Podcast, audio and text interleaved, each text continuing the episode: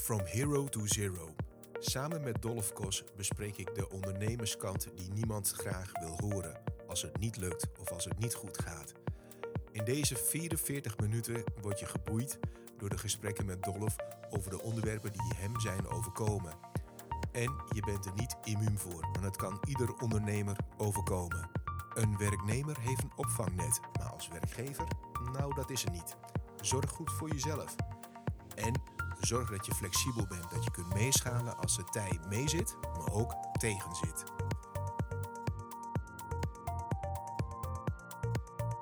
Luisteraars, welkom bij de volgende podcast. Eh, Ik zit hier met niemand minder dan eh, Dolph Kos van Hero to Zero. En het was een hele spontane LinkedIn-connectie en eh, gebaseerd op de artikel van De Ondernemer. Dat gaat over ondernemers zitten vaak gevangen in een cirkel van vertrouwen.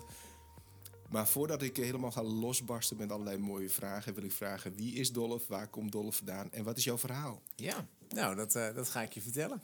Ehm, mijn verhaal eh, begint eigenlijk eh, op mijn, nou, na mijn eh, middelbaar. Ik, ik wist al vrij snel dat ik ondernemer wilde worden. Dus ik heb Hogeschool van Haarlem Small Business en Retail ge- gevolgd. Zo'n opleider waar je, of opleiding waar je ook opgeleid wordt tot eigen ondernemer. En eh nou, dat is vier jaar. En in ons derde jaar, of ja, in ons derde jaar eh, deden wij een collectief businessproject. Eh dat is een project met, met 12 studenten waar we een verkeersveiligheidsevenement organiseerden. Het jaar daarop ronden we dat af en ging iedereen afstuderen. En tijdens mijn afstuderen zag ik die eindbegroting. En positief als ik ben, dacht ik, joh, het was een heel leuk event, maar dat zou toch makkelijk winstgevend moeten, moeten kunnen. We hadden veel te grote tent. Ben je een optimist? Eh, ja, ik ben zeker iemand eh, die heel positief eh, in het leven staat. En, en zo keek ik toen ook naar die Excel-begroting. En ik dacht, ja, ik kan van zomer gaan werken of ik kan dit evenement gewoon nog een keer doen. En zo is het begonnen. Maar ja, het is jammer dat de luisteraar niet kan zien. Maar als ik naar je ogen kijk, zie ik optimisme en weer twinkeling. Ja, daarover ja het, is, het, was, het was wel jeugdig enthousiasme, maar Ja. dat, dat hoort er ook bij. Nou, En, en eigenlijk ging het vanuit daar vrij snel. Ik ronde mijn, mijn HBO-studie af. Ik, ik deed dat evenement. Eh, vanuit het evenement kwamen er aanvragen voor bedrijfsuitjes. Ik was ondertussen, eh, naïef als ik was, eh, nog gestart aan de universiteit. Want ja, dat doe je na je HBO. Nou, dat was wel vrij snel duidelijk dat dat na de eerste tentamenronde niet te combineren was. Dus daar ben ik mee gestopt. Ik dacht, dat kun je altijd nog oppakken. Nou, pak je dus nooit meer op. En ik ben vol toen met mijn bedrijf verder gegaan. Ik kreeg dus aanvraag voor bedrijfsuitjes. Ik zette Google AdWords in, hè, het betaald zoekverkeer, Ja. eh, eh, gevonden worden in die tijd. Ja, toen ging het als een raket. In 2003, ehm, ehm, ja, ik zeg altijd, de wereld was al online, maar adverteerders waren er nog amper.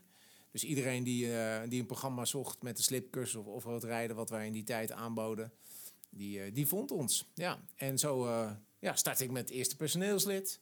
Nou, ik, ik zal dit verhaal in, in- proberen in twee minuten te vertellen. Ja. Ehm, eh, de klant vroeg, kun je ook Ferrari-rijden aanbieden? Ik dacht, ja, natuurlijk, dat kan ook in een programma. Ik huurde evenementenlocaties af in Almere, Emmen en Weert.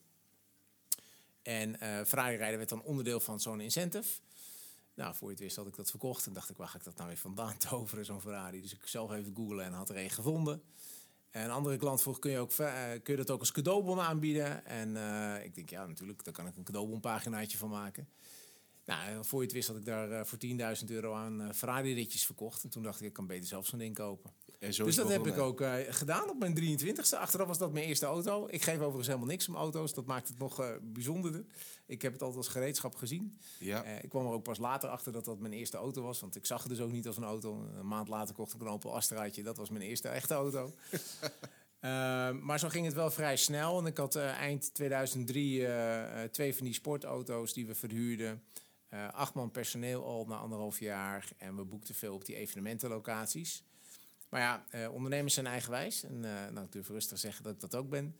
Ehm, en ik dacht, ja, het kan soms nog wel wat beter. Ik miste ook eigenlijk een locatie in de Randstad. En toen heb ik de stoute schoenen aangetrokken om ehm, eh, ja, echt een eigen evenementenlocatie uit de grond te stampen. En waar de A12 en de A20 zich splitst, het terrein ligt er nog steeds. Daar heb ik letterlijk van een weiland een, een evenemententerrein gemaakt. Ik ging toen van 8 man in januari naar 24 in december. Ik ben in het jaar ook nog getrouwd, hebben ons huis nog verbouwd. En eh, Man oh man, ik ging van een, een, een eenmanszaak naar een BV, van een verkoop- en marketingbedrijf. Werden we ook een uitvoerend bedrijf met, uh, met horeca, planning, monteurs, instructeurs. En was het toen eigenlijk heel, heel makkelijk dynamisch. om was het makkelijk destijds om snel te groeien? Want ik hoor dat je heel snel gegroeid bent. Ja, en kwam het omdat veel ondernemers in deze sector internet nog niet hadden ontdekt? Nou, dat speelde zeker mee. Uh, internet was nog uh, onontgonnen gebied. ik vond ook destijds dat de markt niet adequaat inspeelde op de klantbehoeften. en ik zag wel een gat in de markt door producten op een andere manier te vermarkten. En hoe merkte je dat klanten nou of andere bedrijven dat niet deden? Bijvoorbeeld dat Ferrari-rijden wat ik net aanhaalde. Je kon altijd al een Ferrari huren. Dat, dat kon in het vorige millennium ook. Uh, en dan kostte dat, kostte dat 1000 of 2000 gulden in die tijd. Uh, en wat ik deed, en dat was onze formule, is dat we een uh, jongensdroom eigenlijk opknipten in kleinere tijdseenheden. En wij verkochten niet een dag Ferrari maar een uur of een half uur. Of in, in, in bedrijfsuitjes zelfs een kwartier. En ja, met die kleinere tijdseenheden konden we veel voordeligere prijzen aanbieden. En daar ontstond een hele nieuwe markt voor mensen voor wie dat daarvoor nooit uh, bereikbaar was, die konden ineens een uurtje in de Ferrari rijden. Dat vond echt uh, ja, een hele mooie markt creëerden we zo. ja. ja. En wat, uh, want als je zo hard groeit, dan krijg je ook altijd jaloezie, hè? Zeker, ja. En dat hoort ook bij ondernemerschap. En hoe merkte je dat dan? Nou, ik denk dat eerste moment. Uh, ik, ik was natuurlijk ondernemer in, in 2002 gestart. Nou, dat mag dan nog niet echt uh, naam hebben, want je start vanaf de, je zolderkamer letterlijk. Uh, en een jaar later reek uh, met de eerste Ferrari rond. in een dorp, in mijn woonplaats. Ja, en, en, en, dan gaan toch wel mensen kijken van wat, wat, is, wat doet dat jochie? Of hè, zo wordt er toch gekeken. Nou, daar heb ik gelukkig wel altijd een dikke huid voor gehad. Dus dat, dat, dat raakte mij niet. De wereld is nog steeds niet veranderd op dat gebied. Nee, dat was toen. Dat zal altijd blijven. Dat, zeker in Nederland, ja. ja. Hey, en um, je bent op een gegeven moment is het sky high gegaan. Uiteindelijk uh, kwam de klad erin, hè? Ja. En, uh, je zal, ik die, uh, zal ik die proberen kort te schetsen? Ja, schets eens even kort. Want ik, heb, ik heb ook bij andere bedrijven faillissementen zien aankomen en ook meegemaakt. Maar dat is eigenlijk een, een hele rare periode. Je zit in een bepaalde roes.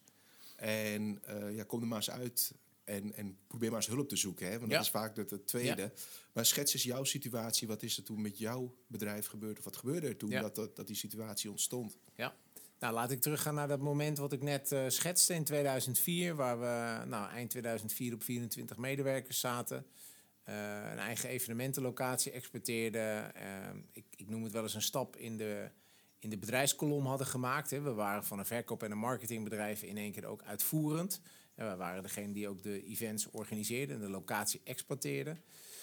Um, ik groeide in die, in die jaren 2004 tot 2008 elk jaar, mede door de inzet van online marketing, uh, eh, 40%. En dat was best substantieel, want als je dat jaar op jaar doet, wordt de absolute groei natuurlijk steeds groter. Ja. En uh, nou, dat kwam mede doordat we in 2005 een cadeaubonnenbedrijf opstarten.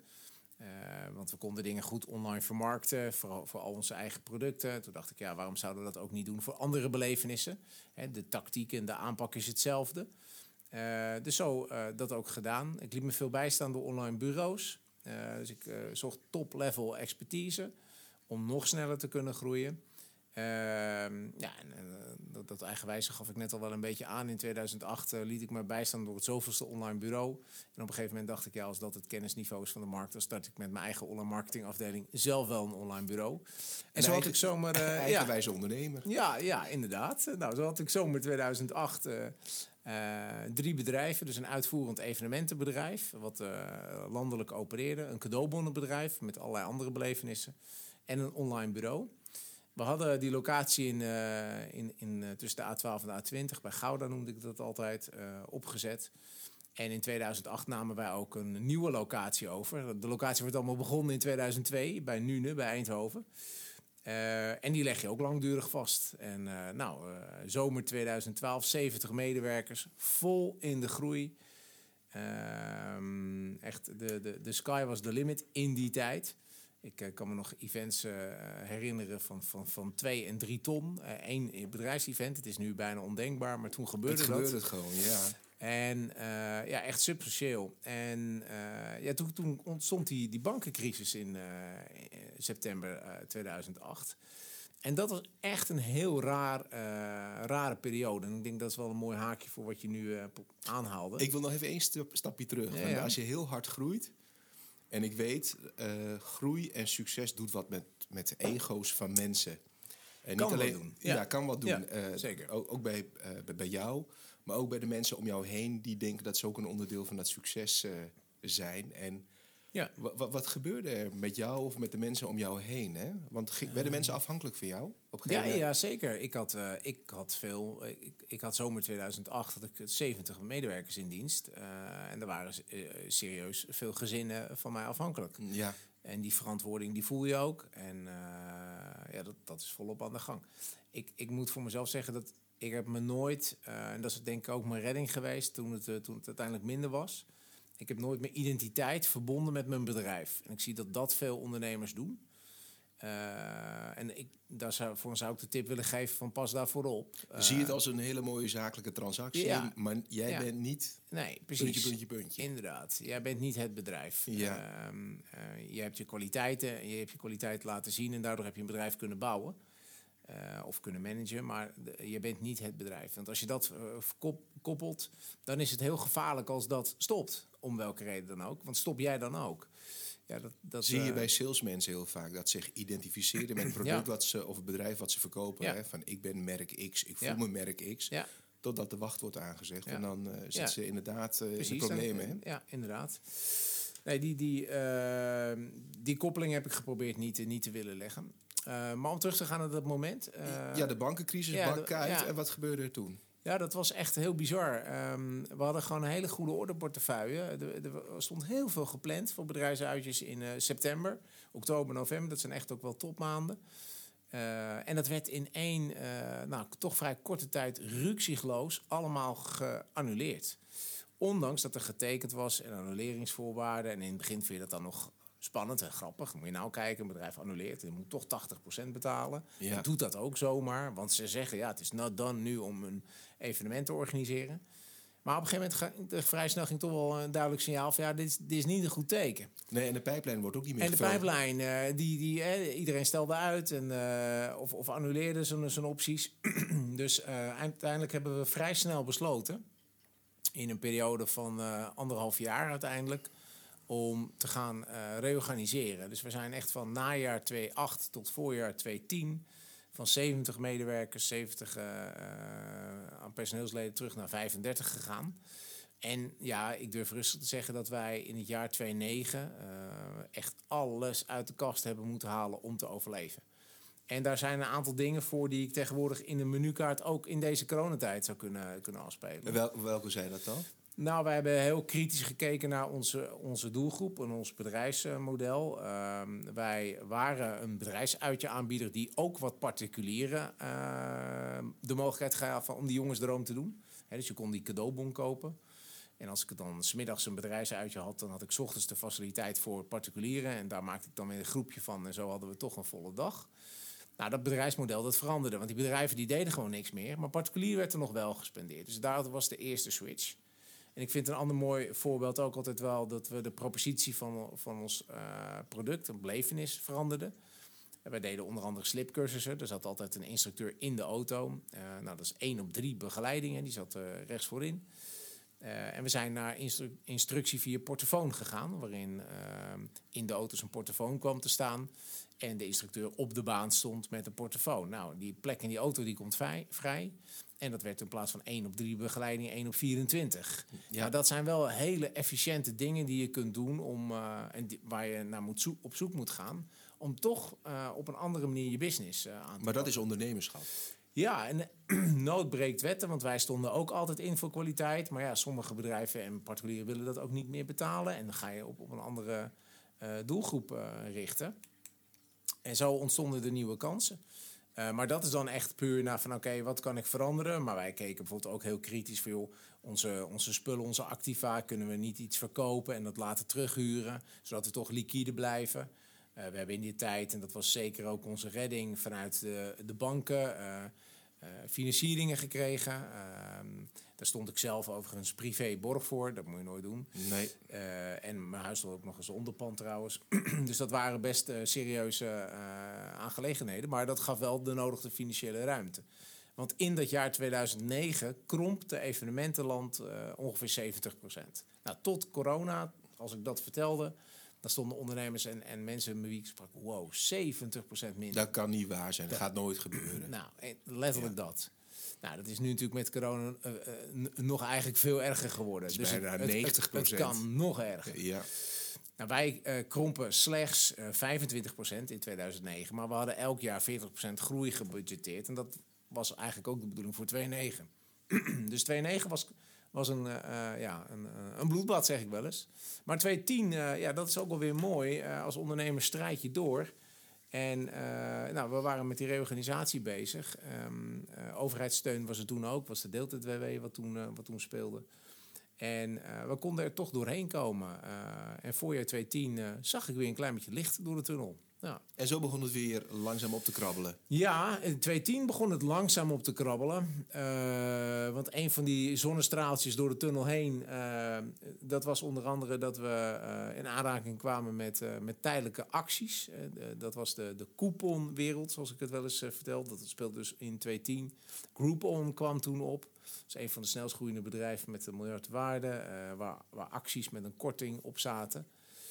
en daar had je allerlei varianten van. Nou, wij deden met, uh, met een aantal van die uh, partijen deden wij zaken en uh, prompt verkochten we een paar duizend van die tickets. Ja, en dat gaf een hele nieuwe markt open. En daar zijn wij 2011 vol ingedoken. en inderdaad, je raadt het al, ik dacht ja, zo spannend is het niet, zo'n deal site. Een beetje aanbod, een beetje content. wat e-mail marketing, dat kunnen we zelf ook. Dus we hadden ook een eigen kloon en uiteindelijk een eigen bedrijf in. Maar 2011 zijn we daar vol ingedoken en... Um, ja, 2011 was een jaar ten opzichte van 2010 waar we 50% groei uh, realiseerden. En was weer hoe licht aan de horizon. ja, echt bizar. Je moet je het voorstellen dat je, dat je echt nou, elk jaar stuk structureel groeit, dan, dan daal je. 2010 hield ik dezelfde omzet, maar wel met minder personeel, dus kon ik weer een klein plusje maken. En 2011 en 12 heb ik twee jaren van wat ik tegenwoordig uh, onstuimige groei uh, heb meegemaakt. Alles viel. Het leek ook in die tijd alsof alles wat we veranderden in goud veranderde alles wat we aanpakten. Dus dat waren, waren hele bizarre jaren. En uh, een mooi voorbeeld daarvan is, uh, nou, voor die dealwereld hadden we continu eigenlijk nieuwe producten nodig. nou, ik had met ons cadeaubonnenbedrijf ontdekt dat in, uh, in het buitenland tankrijden heel erg gaaf was om een keer in een tank te sturen. Hoe ben je bij tanks terechtgekomen? Nou ja, ik, ik, ik, zag dat in het internationale cadeaubonnenbedrijf dus. En ik denk, hé, hey, in Duitsland kun je, dat, kun je dat doen. Ik dacht, ja, dat is eigenlijk best tof. En op ons terrein in Eindhoven, ik denk, ja, hier zou je ook best een tankbaan kunnen maken. Hoe spannend is dat nou? En uh, ja, op Marktplaats, waar anders, uh, vond ik toen een tank. Uh, oud infanterievoertuig. En uh, schoenen aangetrokken. en prompt stond er een tank op de locatie en konden we tankrijden. De lopen was eraf hoor. Het was een oud infanterievoertuig, maar mensen vonden het fantastisch. Daar vind je nog steeds heel veel YouTube's op met de tank Het is, het is echt een jongensding, hè? Ja, dit was, echt, dit was echt een schot in de roos. Dat is uh, een van die dingen waarvan ik zei van... nou, het leek echt allemaal in goud te veranderen. Maar het werd al wel snel duidelijk... één tank is geen tank. Hè. Uh, dat ding gaat stuk. Je moet een tweede hebben. dan heb je je tanks. Maar dan, dan gaat je baan helemaal aan gruzelementen. Dus er moesten allemaal stelkomplaten onder. Dus het, het, ontstonden weer nieuwe uitdagingen. Ja. maar goed, ja, de, de vlam zat... of tenminste de de flow zat er helemaal in. Uh, zomer 2012 zaten wij op 85 medewerkers. We bestonden toen 10 jaar. Uh, ik was in 2002 begonnen. we gingen met z'n allen naar Parijs, althans degene die mee wilde. En, en ik weet nog dat dat eigenlijk zo'n moment was dat ik even zo naar buiten zat te mijmeren. Zo'n zo moment van bezinning zou ik bijna zeggen. En dat ik dacht, ja, het is nu wel heel erg gaaf en fantastisch mooi. En toch heb ik het gevoel alsof de business een beetje aan het afvlakken is. En uh, toen kneep je al een beetje jezelf in de arm van... Uh, ja. is, is, hoe, lang hou, hoe lang blijft dit nog zo? Nou, ik zag dat hij dat die mega groeien ehm, uh, niet doorzetten. Ja. Ehm, want die deal sites, um, dat is wel mooi om dat te schetsen. De, de eerste keer dat je zo'n deal deed, dan verkocht je 2000 van die slipcursussen. De tweede keer dat je deed, dan verkocht je de 800. De derde keer verkocht je de 300 en, en de vierde keer was je al blij met een paar tientallen. Dus de impact van één zo'n actie, Die was in het begin heel hoog, maar daarna niet meer. Ja, het verwaterde elke keer. Het werd steeds minder. En het moest steeds scherper. Het werd ook een beetje red ocean. Ehm, dus uiteindelijk uh, was eigenlijk het plan ontstaan na jaar 2012 om uh, hetzelfde uh, te doen wat ik in 2008 had gedaan.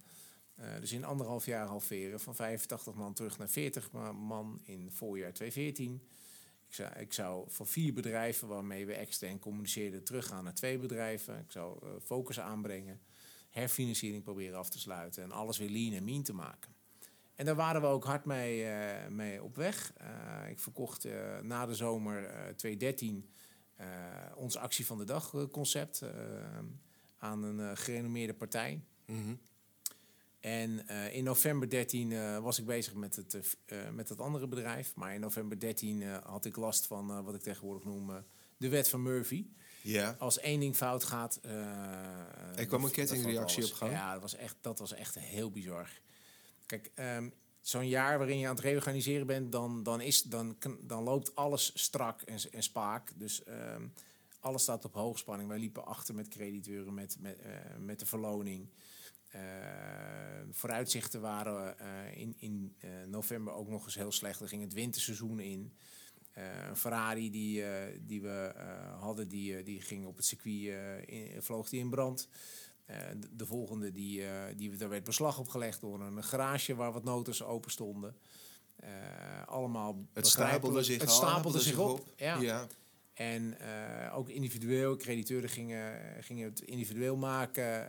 Belastingdienst zat me achter de broek aan.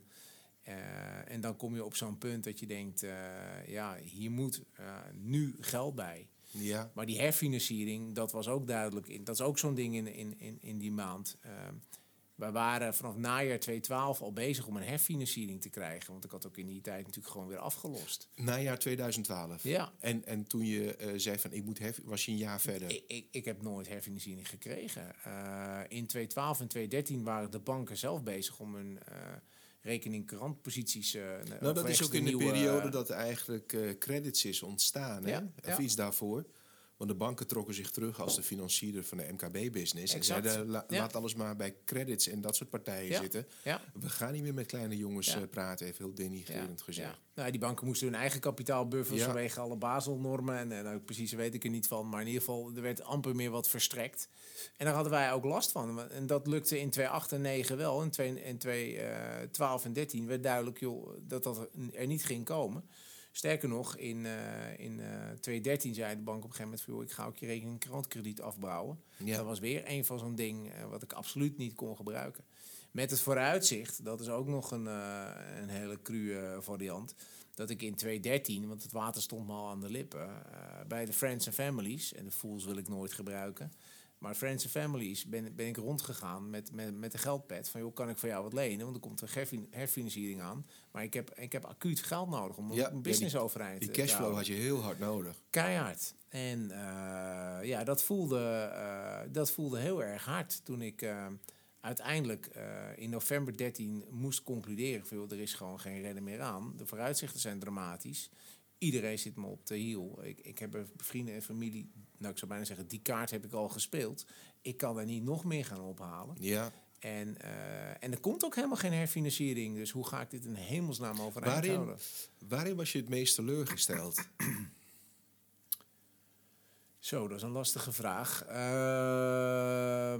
nou, ik denk, ik denk de, de herfinanciering had mij wel weer uh, een goede drive gegeven om uh, om er verder door, door Perspectief. te komen. Perspectief. Nou, Ja. inderdaad, dat woord Ja. valt natuurlijk in deze tijd ook veel. Maar dat heb je wel nodig. Ja. Eh, want als het alleen maar een, een, een donkere tunnel is, dan uh, ja, op een gegeven moment dat dat, dat, dat stopt. Dat kan niet verder. Nee, en daar wil ik het uh, nu naartoe Ja. gaan, de brug. Want ondertussen is er heel veel gebeurd. Maar je bent nu weer fris aan het ondernemen, zie ik. Hè, met de sales marketing groep bij je Ja. gestart. Ja, je hebt twee zware crisissen achter de rug. Zeker. Ja. En uh, dus ja, je hebt wat ervaring. Er is een heel mooi boek uitgekomen, hè? ja, dat is ook een Van- mooi eh, verhaal Van inderdaad. Hero to Zero. Ja.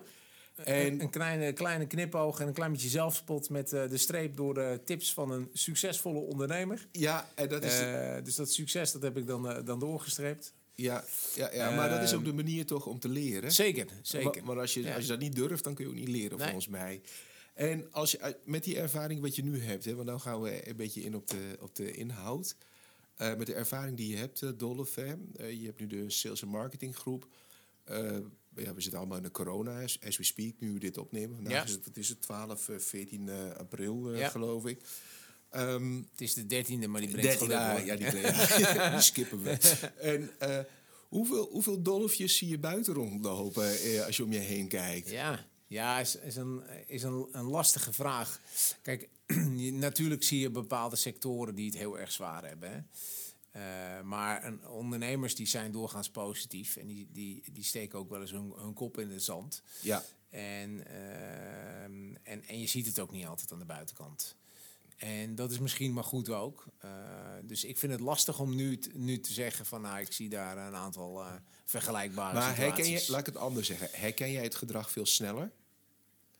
Eh, Nu hetzelfde, ja, nee, ik denk dat ik het sneller zou, zou herkennen. Maar dat, dat herken je toch sneller als er een zakelijke relatie is. Ja, absoluut. Dus aan de buitenkant kun je het minder snel zien. Nee, Ja. En waarom, waarom denk je dat ze dan ja, zo'n muur groot houden? Of zo'n muur om zich heen bouwen en toch...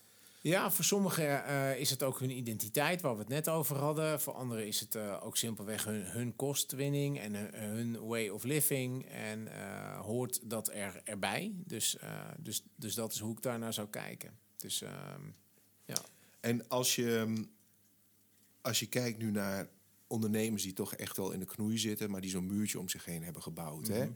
Wat zou, wat zou jouw advies eh, op dit moment eh, zijn? Ja, nou, mijn advies zou absoluut zijn: eh, zoek hulp. Eh, er zijn meerdere initiatieven vanuit de overheid waar je kosteloos kan, kan aankloppen. Ik vind zelf het programma van NL Groeit wel mooi. Dat is een programma als je een serieuze omvang hebt. dan kun je daar een mentor vragen. Ik ben daar zelf ook een mentor eh, eh, als mentor betrokken. Eh, maar er zijn ook initiatieven eh, rondom Geldfit Zakelijk. Ik zat er net nog even op te googlen. Waar eh, ja, je gratis financiële hulp krijgt voor ondernemers. Ehm, dus dat soort, dat soort ja, daar moet je zeker naar, naar op zoek gaan. Er zijn dus genoeg loketten, om zo maar te zeggen. ja. Maar ze vinden de weg niet altijd even makkelijk. Ja, je moet even over je persoonlijke trots heen durven stappen. Hè? Ja. En ehm, ja, ik, ik denk zelf altijd van een goede mentor. of, of een als persoon wil je altijd een goede mentor. En dat zou je zeker ook in crisissituaties moeten zoeken. Hm. Ehm, ja, en, en iemand die lessons learned heeft, dat is natuurlijk sowieso heel erg waardevol. Want die kan je concrete tips geven. Ja. En als je, als je kijkt naar die ondernemers, hè, eh, ik weet dat veel ondernemers. Hè, ondernemers zijn per definitie optimistisch, want daar Ja. ben, je, ben je ondernemer voor geworden. Je bent niet eh, ondernemer geworden om eh, te sikkeneuren, om zo maar te zeggen. Dat klopt, je moet kansen zien. Je Ja. moet kansen zien. En wat mij altijd opvalt, is dat ondernemers eh, zelden, of bedrijven zelden een plan B en een C klaar hebben liggen. Voor de mindere tijden. Of als hun hoofdleverancier wegvalt. Hè. Een voorbeeld te geven, we hebben zes of acht jaar geleden hebben we SARS gehad, ook uit verre Azië. Klopt. En sommige bedrijven die zeiden van nee, dit, de, hier hebben we van geleerd. Dit gaat ons niet meer Nee. overkomen. Onze supply chain richten we anders in dat we uit twee of drie of zelfs vier locaties van de wereld eh, nu eh, materialen krijgen. Dus als Ja. er eentje uitvalt uit Azië, hebben we nog drie of backup. En het valt me op als je dan ondernemers zegt van joh, waar is je plan B? Weet je, heb je erover nagedacht? Ah nee, dat eh, gaat niet gebeuren. We hebben onder controle een geldklots tegen de plinten aan. Waar zit hem dat in? Dat mensen dat eh, moeilijk vinden of Nou, lastig? ve- ve- eh, veel bedrijven. Een aantal bedrijven hebben natuurlijk structureel een groeiplan. Hè? Dus die werken echt van, eh, vanuit een visie en een plan. Je zal ook verbaasd zijn hoeveel bedrijven dat überhaupt overigens ook niet hebben. Maar ja, dat maakt je, je als bedrijf extra succesvol als je stip op de horizon hebt en echt koers zet. Ja. Ehm, maar ja, het hebben van een noodplan, daar ben je natuurlijk ook niet zo graag mee, mee, mee bezig. Hey, ehm, en hoe realistisch is het ook dat eh, de overheid tegen je zegt: eh, je moet zes maanden sluiten? Eh, of zegt, ja, je mag maar één, één honderdste van je land in je winkel toelaten. Het, het zijn vrij bizarre situaties nu hoor, in deze, deze economische fase. En tegelijkertijd, ehm, ja, Ja, deze vraag staat los van de corona. Hè? Want kijk, aan de corona Ja. kun je niks doen. nee. Maar het gaat om als, als er heel veel geld wordt verdiend. Ja. Hè, dan, dan, dan moet je toch nog scherp blijven. En dat lijkt me zo lastig. Nou, wat ik, wat ik daarin mee zou, eh, zou geven is dat je uh, als ondernemer altijd uh, manage your downside. Hè? Dus zorg er altijd voor dat je, dat je weet dat je, nou bijvoorbeeld je privé borgstellingen, je, je, je onderlinge rekening verhoudingen. Zorg ervoor dat je een aantal basiszaken uh, goed op de rit hebt. Um, maar vanuit een business, een onderneming die een groeiambitie heeft, een plan te maken wat je gaat doen als de markt uh, eh, 80% instort. Ja, daar durven gewoon veel ondernemers gewoon überhaupt niet over na te denken. Nee. En ik moet ook zeggen, dat is maar dan maken we toch weer even een stapje naar corona. Dat is aan de ene kant is dat verlammend. Aan de andere kant is het heel positief dat de, dat de overheid wel zo snel ingreep en dat uh, perspectief bood. Dus ja. dat is. Uh, ja. Maar is dat ook niet een taboevraag? Om, want eigenlijk als je zegt van wat doen we als er 80% terugvalt, is, ja. is, is, is natuurlijk een beetje een taboevraag. Ik denk dat heel veel ondernemingen ook echt moeten zeggen dat ze dan moeten ophalen. Als 80% van de. Van de ja. Want dan uh, dat kun je bijna niet overleven. Kijk, uh, variabel zijn is, is een van de lessen. Hè. Die vraag krijg ik ook vaak. Wat voor les heb jij nou geleerd? Nou, ik heb een van de lessen geleerd dat ik variabel wilde, wilde zijn. Het opschakelen aan personeel, dat is vrij makkelijk. Maar terugschakelen, ja, dat, dat duurde vaak langer en was ook vaak duurder. Uh, dus, dus ik huur tegenwoordig liever een, een aantal freelancers in en, en werk vanuit met, met uh, top-experts die snel dezelfde uh, toon zingen en die impact kunnen maken. Mm -hmm. Maar ja, uh, dat moet je wel willen. Hè? Dus, um, ja, je moet er wel open voor staan. Anders ja. gaat niet, waar geen wil is, is ook geen weg. Hè? Nee. Heel simpel. Nee, ja, zo, zo simpel is het inderdaad. Hey, en over optimisme gesproken, hè? wat is beter, optimisme of realisme? Uh, uh, ik zou zeggen realisme, uh, maar wel met een vleugje positiviteit. Ja. Um, en ja, kijk, in, in deze, deze fase waar bedrijven nu in zitten, of eigenlijk al geruime tijd in zitten, is het heel erg belangrijk om, om uit die cirkel van, van, van, van invloed, hè, waar veel bedrijven in blijven hangen. Ik vergelijk het vaak met COVID, waar je die, die kringen hebt met de cirkel van invloed en betrokkenheid. je, hebt, je hebt je eigen dingen die je kan doen binnen je eigen cirkel. Dat voelt allemaal comfortabel. Hè. Daar weet je wat er, wat er gebeurt en uh, daar heb je grip op. Maar je hebt ook die grote boze cirkel daarbuiten, de cirkel van betrokkenheid. En dat is bijvoorbeeld een overheid die zegt dat je, dat je dicht moet gaan. Ja. Maar hoe vergroot je nou door proactief te zijn in je eigen cirkel van, van invloed? Hoe vergroot je nu dat je je eigen cirkel groter kunt maken en dat je minder afhankelijk bent van die cirkel van betrokkenheid? Nou, dat vergt proactiviteit en dat vergt daadkracht. En uh, niet freezen in die koplamp van help wat overkomt me nu, maar denken in acties en mogelijkheden en in kansen. Wat kan ik wel? Oké, ja. als je een restaurant bent en je, je uh, gaat afhalen doen, misschien moet je ook een bezorgservice erbij starten. Het is een kleine toevoeging, maar kan net het verschil maken. En is dat ook uh, ja, de kop niet in het, juist niet in het Zeker, ja. steken? Want dat, dat, dat, kom je dat ja. vaak, toch nog te vaak tegen. Ja, veel, veel ondernemers uh, die, die, uh, die, die bevriezen in de koplamp. Hè. Er komt een auto op je afrijden ja. en je ziet die koplamp en, en je springt niet meer weg. Maar je denkt, help, die komt steeds dichterbij en dichterbij. En dat verlamt je. Maar waarom voelen ondernemers zich dan onbewust? Hè? Want ik geloof niet dat ze dat bewust doen. Hè? Nee. Hè, een deel misschien wel, die, die zijn dan zo uh, stoïcijns ja. of hardleers. Maar, dat klopt, ja. een deel doet dat onbewust. Hè. En wat zorgt er nou voor dat die cirkel zo comfortabel voelt? Hè? Want volgens mij, als je, als je dat pas kunt zien, ja. dan, durf je, dan, durf, dan kun je in ieder geval nadenken... misschien moet ik er eens maar een stapje uit gaan zetten. Ja. Hè? Nou ja, de, kijk, doen wat je altijd deed. Hè. Als je zaait wat je oogst... Uh, of als je oogst wat je zaait, uh, dat verhaal... Dus mensen zijn daar comfortabel binnen en, en, durven minder snel outside the box te denken. En denken soms ook van, joh, dat waait wel over. Hè? Of dat, dat gaat wel voorbij. Uh, en tegelijkertijd, ja, niemand had, had uh, helaas uh, durven denken dat dit zo lang duurt. en het eind is nog steeds niet in zicht. We denken dat we er straks zijn, maar dat is ook nog maar de vraag. Ja. Ehm, dus ja, dus dat, dat vergt aanpassingsvermogen. En, en ja, ja, ga verder. Nou ja, gevleugelde, of een, een mooi gezegde is altijd... Uh, iedereen wil, uh, wil innoveren, maar niemand wil veranderen. Klopt. Uh, dus, dus iedereen vindt dat wel belangrijk om te innoveren. Maar ja, als je dan het internet eens pakt... Ja, dat dachten ook heel veel winkels van... joh, dat internet, dat is alleen maar lastig. Dat heb ik niet nodig. Dat waait wel over. Nou, dat, dat waait natuurlijk niet over. Nee. En, en datzelfde zie je nu ook gebeuren met de opkomst van, eh, van marketplaces in winkels. Eh, waarvan je ziet dat die een steeds grotere, dominantere rol krijgen. Ja, en dat toch veel, veel winkels daar nog weinig mee bezig zijn. Nou ja, dan eh, weet je dat als je niet meegaat, dat het op een gegeven moment wel, wel eindig kan zijn. Ja. Ja. En vanuit jouw expertise, we hadden het al in het begin van de podcast gezegd, je hebt eh, twee, eh, twee pittige periodes meegemaakt.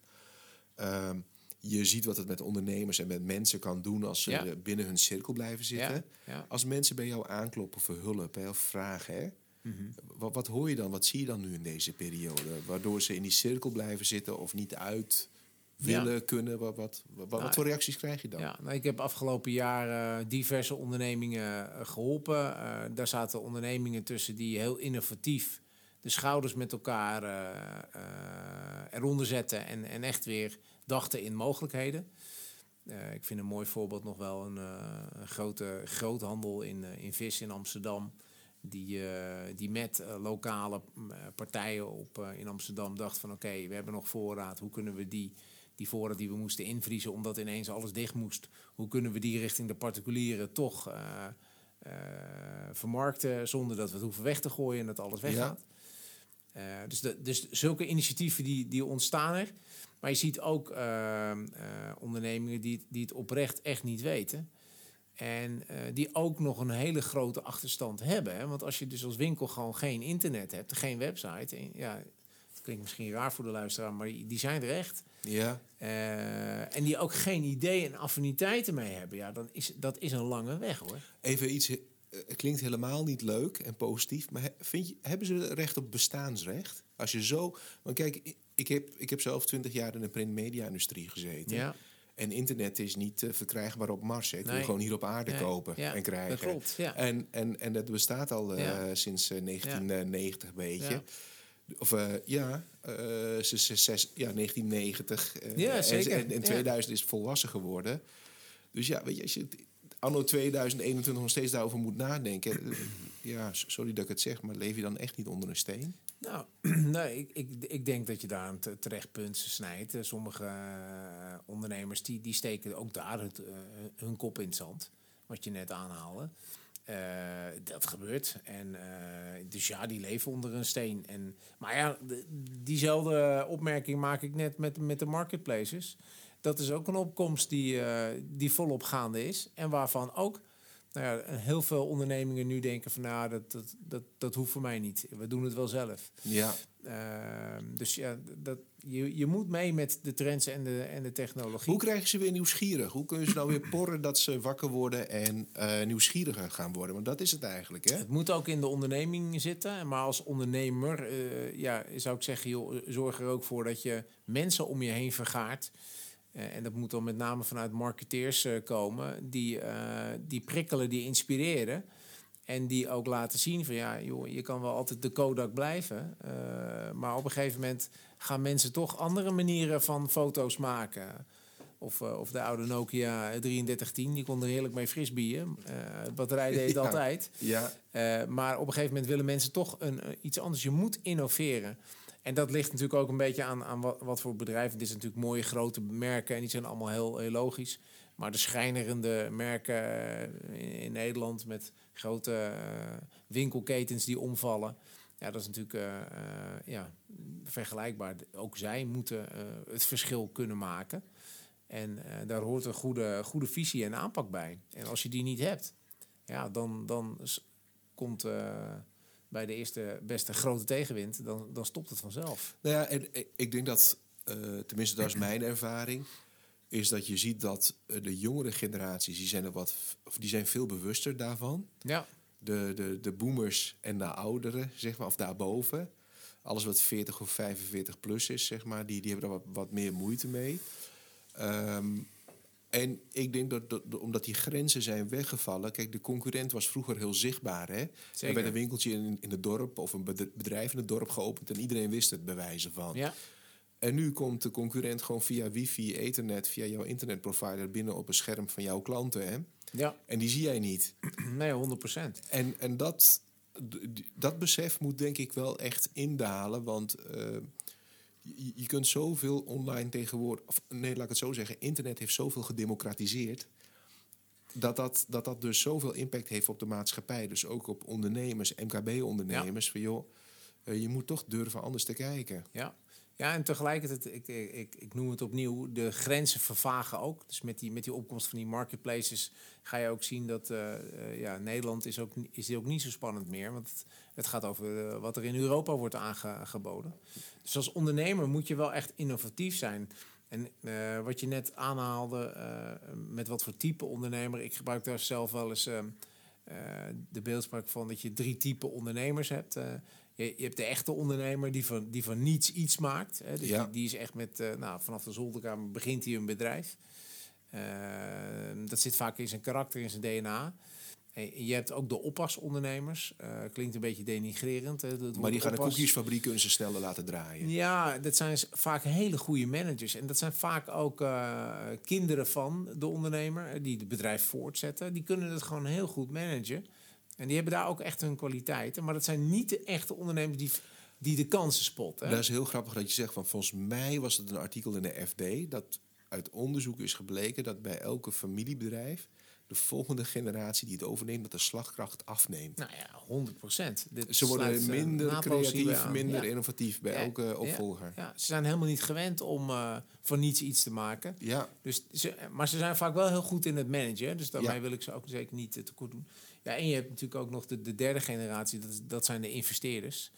Uh, die zijn soms heel mooi, maar die zijn soms ook als een parasiet. Hè. Die zuigen een bedrijf leeg. En uh, daar hebben we natuurlijk afgelopen tien jaar ook wel verschillende voorbeelden van gezien hoe uh, hele mooie bedrijven in Nederland kunnen, kunnen stoppen. Ja.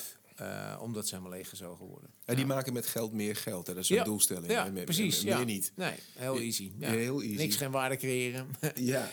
Hey, de uitspraak van Igor Beukers was, hè, dat heb je al aan het begin genoemd, iedereen wil innoveren, iedereen steekt zijn hand op. Hè. Dat zie je heel mooi bij uh, alle webinars, evenementen, podcasts, alles wat over innoveren gaat. Nou, er wordt massaal geconsumeerd.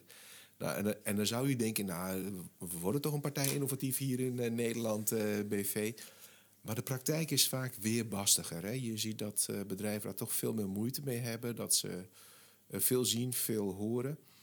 Is het ook niet zo dat, dat ze een beetje kapot gebeukt zijn door het woordje innoveren?